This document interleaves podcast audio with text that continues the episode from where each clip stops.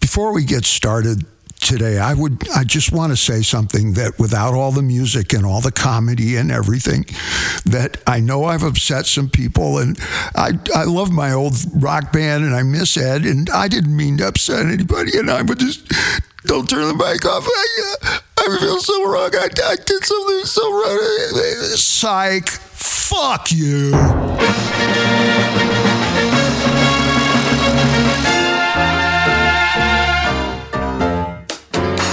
Good morning, Wolf. Hi, Doctor. What brings you in this morning? Well, I've been grunting and straining and pushing, and I can't get any streams. We've talked about this, Wolfgang. I know, but what do you think it is? Young man, I think you're old enough for you to truly understand. Your album was DOA, Dead on arrival? KTC, Kick to the curb? a complete FP. A complete face plant? Son, commercially speaking, you got your ass handed to you. Both cheeks? Both.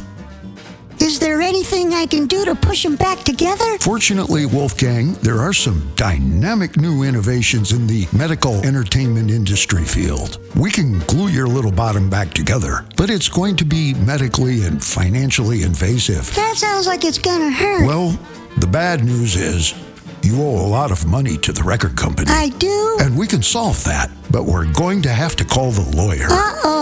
And what happens when we call the lawyer? He puts on the meter? And what happens when the lawyer puts on the meter? His grandkids go to Princeton? That's right. And somebody's got to pay for that lawyer to put on the meter. Like in a taxi? More like a fighter jet. But I don't want to pay for a fighter jet to go through Princeton. And neither did your Uncle Al or Mr. Roth.